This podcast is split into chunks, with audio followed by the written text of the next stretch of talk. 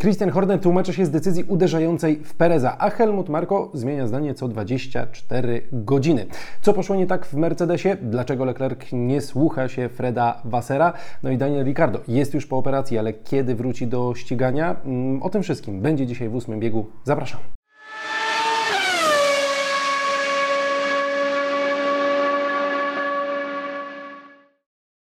Partnerem ósmego biegu jest wypożyczalnia samochodów Odkryj Auto. Na początek, kochani, klasyfikacje generalne po wyścigu o Grand Prix Holandii. Witam Was ponownie, cieszę się, że zdecydowaliście się ponownie włączyć mój e, odcinek. No i czekam tradycyjnie na Wasze komentarze. Napiszcie, jak podobał Wam się ten e, wyścig. Napiszcie, co, co sądzicie na przykład o tej sytuacji z Danielem e, Ricardo. Czy jest sam sobie winien, bo popełnił po prostu błąd, czy może było to niefortunne wydarzenie. No i dajcie znać też, jak oceniacie poszczególnych zawodników, kto Wam najbardziej zaimponował piszcie po prostu, co chcecie w komentarzach. Ja zawsze chętnie się z tym e, zapoznam. Dzisiaj tradycyjnie wygrani i przegrani, no i też w czyśćcu też e, o e, dwóch chyba zawodnikach będzie. No ale dobra, słuchajcie, zaczynamy od wygranych. No i Max Verstappen, rekord wyrównany Sebastiana Vettela, 9 zwycięstw z rzędu w jednym sezonie, to rekord z 2013 roku. Pewnie za chwilę Max Verstappen ten rekord pobije. Prawdopodobnie stanie się to na Moncy, bo trudno jest zakładać, że Max Verstappen kolejnego wyścigu nie wygra. Wszystkie kłody świata można rzucać pod nogi Verstappenowi. Tak było w tym wyścigu. Było tysiąc okoliczności, na których można było się pomylić, coś popsuć, podjąć złe decyzje ale i on, i jego garaż wszyscy działali tam niemalże perfekcyjnie i po prostu po raz kolejny tradycyjnie wielkie brawa, nic się tutaj nie, nie zmienia. E, słuchajcie, Christian Horner tłumaczył się po wyścigu z tej decyzji na początku wyścigu. Pamiętacie, była taka sytuacja, kiedy i Sergio Perez i Max Verstappen jechali na oponach przejściowych. Max Verstappen jechał tempem oszałamiająco lepszym niż Sergio e, Perez. On tam odrabiał po 3-4 czasami nawet sekundy na e, okrążeniu. Zbliżał się do Sergio Pereza, no ale nadchodził już moment, żeby przejść z powrotem na opony e, na e, suchą nawierzchnię, przejść na sliki. No i zwykle w takiej sytuacji jako pierwszy zjeżdża zawodnik, który jest wyżej w klasyfikacji. Ale tym razem pierwszy zjechał Max Verstappen, co oczywiście pozwoliło mu bardzo e, sprawnie podczas tego pit stopu podciąć Sergio Pereza. No i za chwilę Max Verstappen znalazł się na prowadzeniu. No i niektórzy widzą w tym uderzanie jawne w Sergio Pereza, faworyzowanie Maxa Verstappena. No i zapytano o to też po prostu Christiana Hornera powiedział, że dla nas to w ogóle była decyzja, o której nie myśleliśmy długo, tak zwany no-brainer po angielsku. Musieliśmy odpowiedzieć na to, co zrobili Alonso i Gasly. Oni zmienili już na stiki, było duże ryzyko, że nas e, przeskoczą. No i wtedy był to wybór między albo zajmowaniem jednym samochodem pierwszej pozycji, a drugim samochodem czwartej, albo pierwszej i drugiej pozycji. No i też zwrócił Christian Horner, że byli zaskoczeni tym, jak e, szybko na tym okrążeniu wyjazdowym, już po założeniu miękkiej mieszanki, e, jak szybko podróżował Max Verstappen. No, myślę, że nie byli tym e, zdziwieni, bo, bo widzieli, jak genialne ma, e, ma tempo. E, no i powiedzieli, że to nie absolutnie to nie było uderzenie w Pereza, tylko po prostu no, to była decyzja, nad którą się nie trzeba było zastanawiać, bo, bo tak po prostu trzeba było zrobić. No i słuchajcie, dla mnie to też nie jest jakaś nie wiadomo jak duża sprawa, jakaś afera, że ktoś coś zabrał Perezowi. Max na tym etapie od razu był po prostu pięć razy szybszy od Sergio e, Pereza e, i no, mogą to sobie tłumaczyć, że było zagrożenie ze strony Alonso i, e, i Gastriego, ale też wiadomo, no, oni jako zespół też chcieli ten rekord wyrównać. Wiadomo, że woleli postawić na kierowcę, który jest dużo, dużo, dużo szybszy od tego drugiego zawodnika. Ostatecznie też, gdyby tak naprawdę ściągnęli jako pierwszego Sergio Pereza, Max nawet na tym by stracił i tak ten Max ten wyścig by wygrał, więc może dla zachowania pozorów mogli tak e, zrobić, ale dla mnie to nie jest jakaś duża e, afera, bo co by się nie działo, ten Max i tak by się znalazł z przodu, e, z przodu stawki, więc tak widzę tę e, sytuację. Mm, a Max Verstappen, jeszcze zamykając jego wątek, był pytany, słuchajcie, na konferencji prasowej o tę swoją dominację i Max Verstappen powiedział, że bardzo wiele zmieniło się po weekendzie w Baku. Pamiętacie, że tam Max Verstappen przegrał z Sergio e, Perezem ten, ten weekend. No i Perez powiedział, i Max Verstappen powiedział, że Baku mu bardzo pomogło, bo wtedy w trakcie tamtego weekendu próbowali różnych rzeczy, sprawdzali różne ustawienia, zobaczyli co nie działa, zobaczyli przy jakich ustawieniach te opony dużo gorzej E, działają i to dało mu wiele odpowiedzi na resztę sezonu, więc zwycięstwo Sergio Pereza okazało się trochę gwoździem do jego trumny, jeśli to wszystko, co mówi Max, yy, rzeczywiście tak bardzo mocno mu w tym sezonie pomogło. Myślę, że bardzo mocno pomaga mu też po prostu jego yy, talent w tej, yy, w tej sytuacji. Do wygranych zaliczam też oczywiście Fernando Alonso, bo Aston odzyskał yy, tempo. Widzieliśmy to po stronie Fernando Alonso, bo po stronie Lansa Strolla trochę klasycznie, wyglądali dużo lepiej niż w ostatnich wyścigach. No i sam Fernando frunął, jechał po prostu jak natchniony. On jak tylko ma maszynę, która naprawdę jest dobra, to to wykorzystuje e, w pełni. Ten manewr na początku e, wyścigu, że pojechał dolną linią w, e, w trójce, tłumaczył później po wyścigu, że on myślał przed rywalizacją, czy można tam zaryzykować, czy można tam pojechać, że chyba niewielu kierowców na to się zdecyduje. Stwierdził, że spróbuje, choć to ryzykowne. No i to jest właśnie Fernando Alonso, człowiek, który sobie takie rzeczy może wymyślić, takie rzeczy sobie w głowie poukładać, a później to świetnie wyegzekwować, więc naprawdę świetnie się jego w tym wyścigu po prostu oglądało. Do wygranych zaliczam też oczywiście trzeciego kierowcę z podium, Pierre Gasly. Mimo 5 sekund kary za przekroczenie prędkości w alei serwisowej pojechał świetny wyścig. No i słuchajcie, dla niego bardzo ważne jest to, że on w generalce znalazł się teraz o jeden punkcik przed y, Okonem i ile by oni nie zaklinali tej rzeczywistości, że no nie, no my już wiadomo, nie jesteśmy wrogami, jesteśmy teraz kolegami zespołu, ale dla, dla nich szczególnie naprawdę bardzo ważne jest to, który będzie wyżej w klasyfikacji y, generalnej i ten wewnątrz zespołowy pojedynek tutaj nabiera y, rumieńców. Agas Coraz mocniej. Walpin się rozpycha. Esteban Ocon no, miał być takim naturalnym, powiedzmy, liderem, bo jednak więcej lat w tej ekipie spędził, a Pierre Gasly i na Spa i tutaj naprawdę pokazuje się z e, kapitalnej strony. Kogo jeszcze zaliczam do wygranych? No oczywiście Liama Lawsona. Gość miał ekstremalnie trudne zadanie. Przyjechał sobie na początku tygodnia z Japonii, bo tam na co dzień rywalizuje, no i w piątek okazało się, gościu, wsiadasz w sobotę do samochodu Daniela Ricardo i jedziesz ten weekend. Trudny, bardzo trudny tor. Tor nie błędów, e, warunki zmienne, e, deszcz, e, samochód, którego on po prostu nie zna, z którym miał szansę zapoznać się tylko podczas trzeciego, trzeciego treningu, podczas którego padało, podczas którego były czerwone flagi. Tam nie było tak dużo okrążeń, jak on chciałby przejechać. W kwalifikacjach walczył o przetrwanie, przetrwał, nie rozbił samochodu, choć niewiele brakowało. W wyścigu po raz pierwszy w tym samochodzie jechał na oponach na suchą nawierzchnię. To jest sytuacja ekstremalnie trudna, bo on, gdy wyjeżdżał z alei serwisowej przed rozpoczęciem wyścigu i dojeżdżał na pola startowe. To były jego pierwsze jakiekolwiek w ogóle kilometry na suchej e, nawierzchni, więc e, no, zadanie miał po prostu takie, żeby dowieść ten samochód do mety, nie rozwalić go i zebrać jak najwięcej doświadczenia. A on walczył z zepsutym, bo zepsutym, ale jednak z Charlesem e, Leclerciem. On E, zajął ostatecznie 13 miejsce. Był wyżej od Yukiego e, Tsunody, tam wiadomo, Tsunodzie okoliczności i kara nie pomogły, ale jednak no, Liam Lawson jest wyżej na mecie. 13 miejsce to jak na tegoroczne wyniki Alfa Tauri po prostu jest dobry, e, dobry wynik. No i dla niego świetna próbka, jeśli chodzi o nabieranie umiejętności. Słuchajcie, on miał dwa starty w trakcie tego wyścigu, w sensie po czerwonej fladze miał, miał restart za samochodem bezpieczeństwa, wcześniej zwykły start, samochód bezpieczeństwa, deszcz, słońce, przesychający tor, decyzje strategiczne.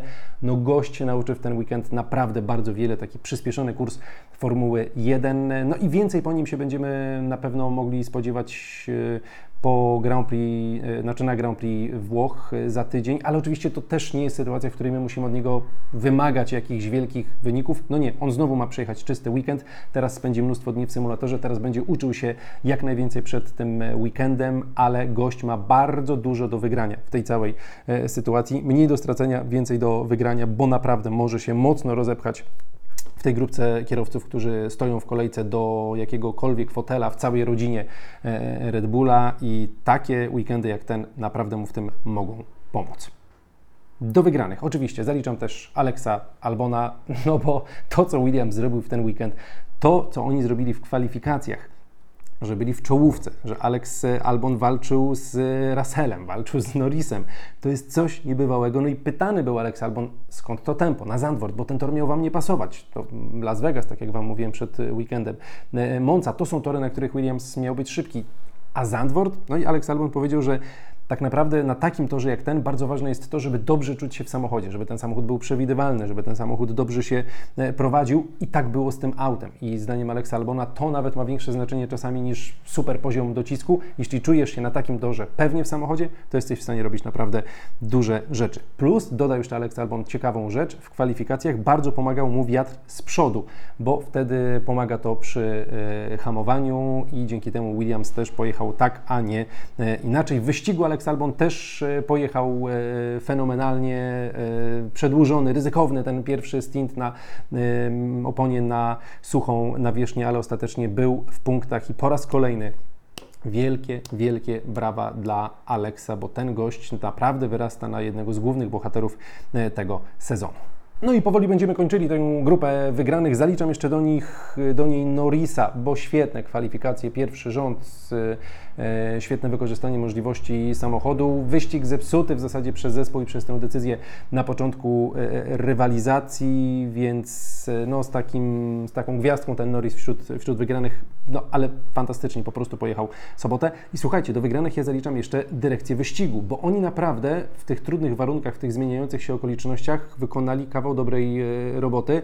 Może trochę brakowało momentami informacji, co się dzieje w trakcie tej czerwonej flagi, e, dlaczego, e, z punktu brali, brali ustawienie do, do restartu, ale generalnie zauważcie, kierowcy mogli jechać za samochodem bezpieczeństwa przy restarcie na oponie przejściowej podczas Grand Prix w Belgii musieli jechać na oponie e, deszczowej, bo takie są przepisy e, i bardzo na to narzekali. Teraz przed tym weekendem e, dyrekcja wyścigu pozwoliła na to jednorazowo, żeby pojechać właśnie w takiej sytuacji ewentualnie na oponach przejściowych. Na to się zdecydowali, to bardzo chwalili kierowcy. To wynikało też z tego, że tutaj aleja serwisowa jest dosyć mała i gdyby wszyscy zjechali podczas samochodu bezpieczeństwa zmienić z mokrych na, e, na przejściowe, no to mogłoby się zrobić tam bardzo tłoczno, po prostu zbyt tłoczno.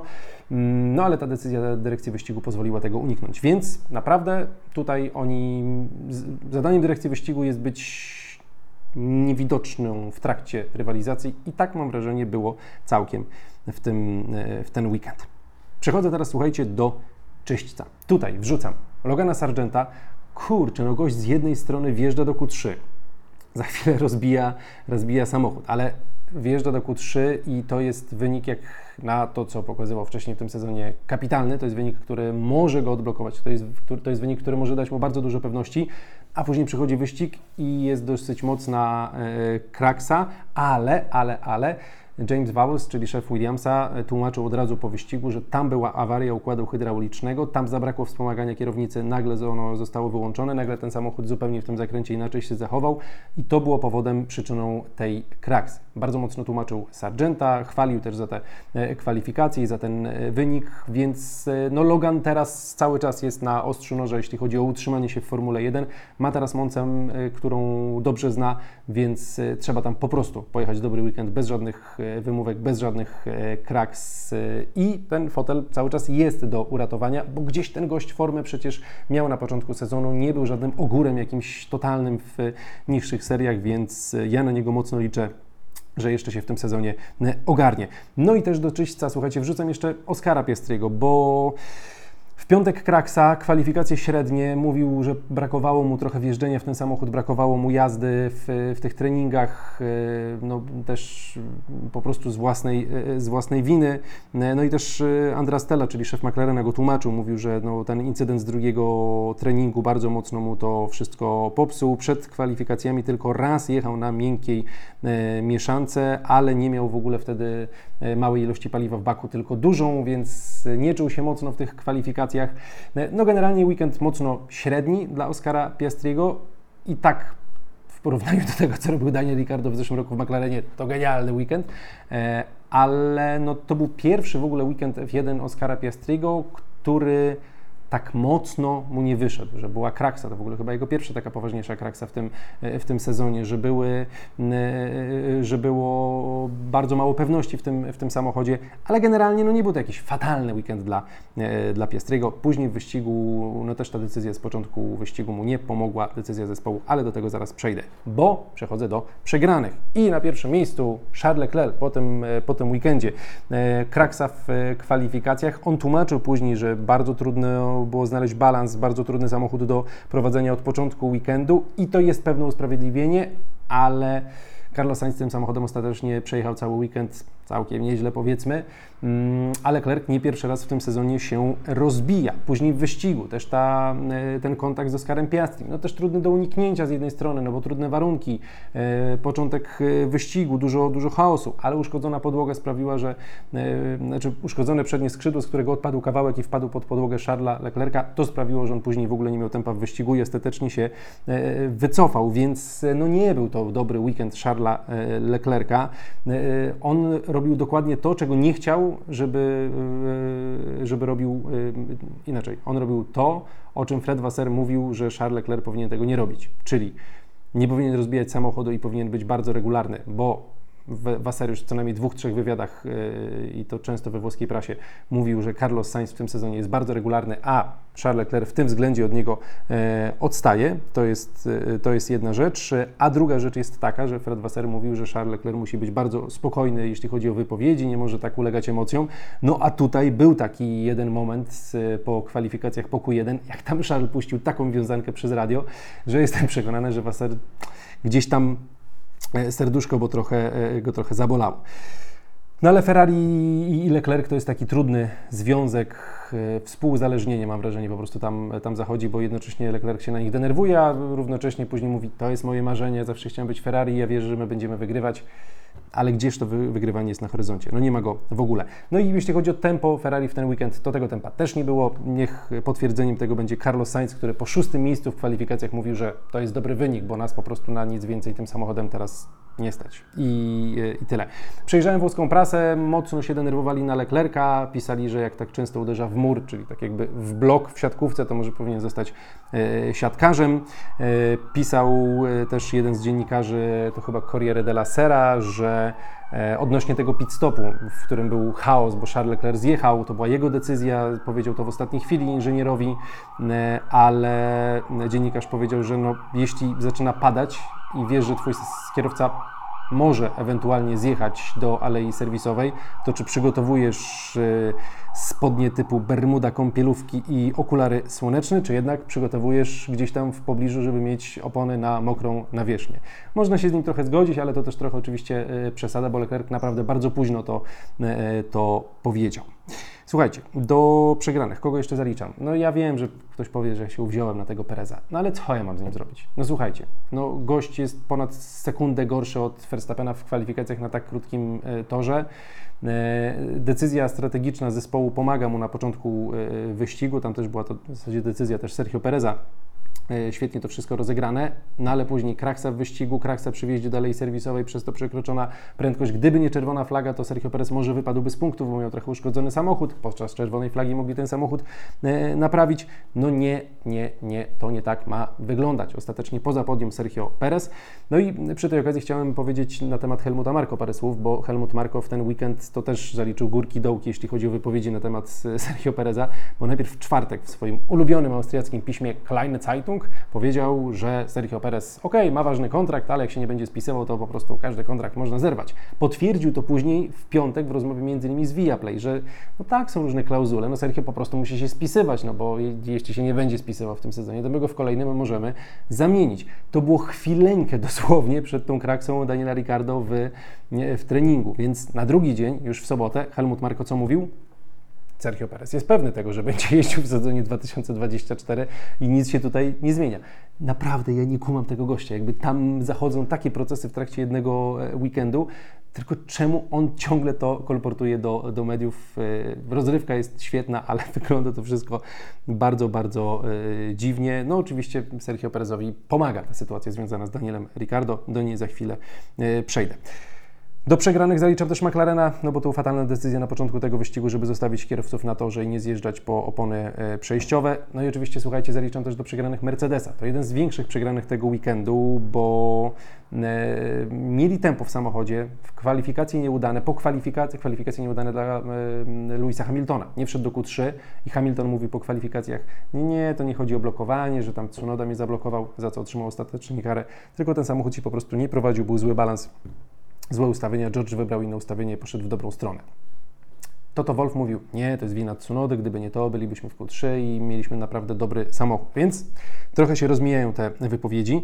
E, no a sam wyścig też zniszczony przez ten brak zjazdu do alei serwisowej na początku wyścigu. Tłumaczył później Toto Wolf, że no to jest po prostu niewybaczalny błąd, że mieli jakieś złe prognozy, ale to wszyscy po prostu po drodze zawiedli.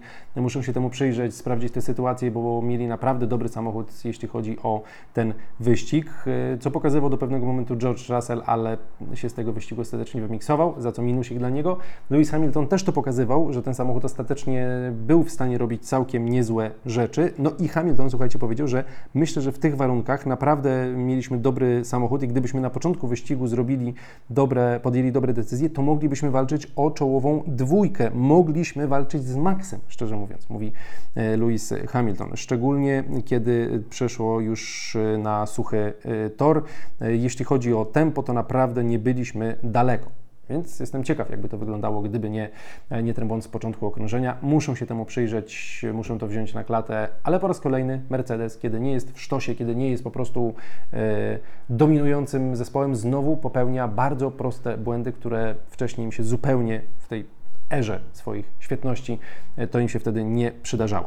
No i słuchajcie, jeszcze do przegranych zaliczam. No, no muszę go tutaj zaliczyć. Daniela Ricardo, bardzo go lubię, bardzo go cenię, ale Jasne, to była bardzo niefortunna sytuacja, bo świecił się panel, kiedy dojeżdżał do tego e, miejsca, w którym wypadł Oscar Piastri, zaświecił się w dwójce e, panel pokazujący, że jest żółta flaga, ale zakręt, ale to było tak mocno po lewej stronie, Daniel Ricardo mógł tego nie zauważyć, powinien był zauważyć, ale nie zauważył.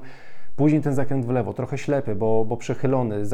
Y, Oskar Piastri stał w takim miejscu, że rzeczywiście trudno go było wjeżdżając w ten zakręt y, dostrzec. Później jak już go dostrzegł Ricardo, to był to zakręt pochylony, banda po prawej stronie. Za bardzo nie wiadomo co robić. Na normalnym, niepochylonym zakręcie można by jeszcze próbować gdzieś tam zwolnić, omijać go w lewo albo wejechać w trawę, w żwir po prawej stronie. Tutaj Ricardo mówi, miałem dwie opcje, uderzyć w Piastriego, uderzyć w ścianę. Zdecydowałem się uderzyć w ścianę, ale nie zdążyłem zdjąć rąk z kierownicy i to mu tę rękę ostatecznie połamało. Więc oczywiście to był splot niefortunnych zdarzeń, ale oczywiście jakaś tam ciupeńka, moim zdaniem, tutaj w tym wszystkim winy Daniela jest, bo pewnie pewne rzeczy można było zrobić inaczej, ale jednocześnie okoliczności były wybitnie niesprzyjające w tej, w tej sytuacji. No i teraz co dalej? No wypada, wypadł na Holandii, wypadnie na Monce na pewno.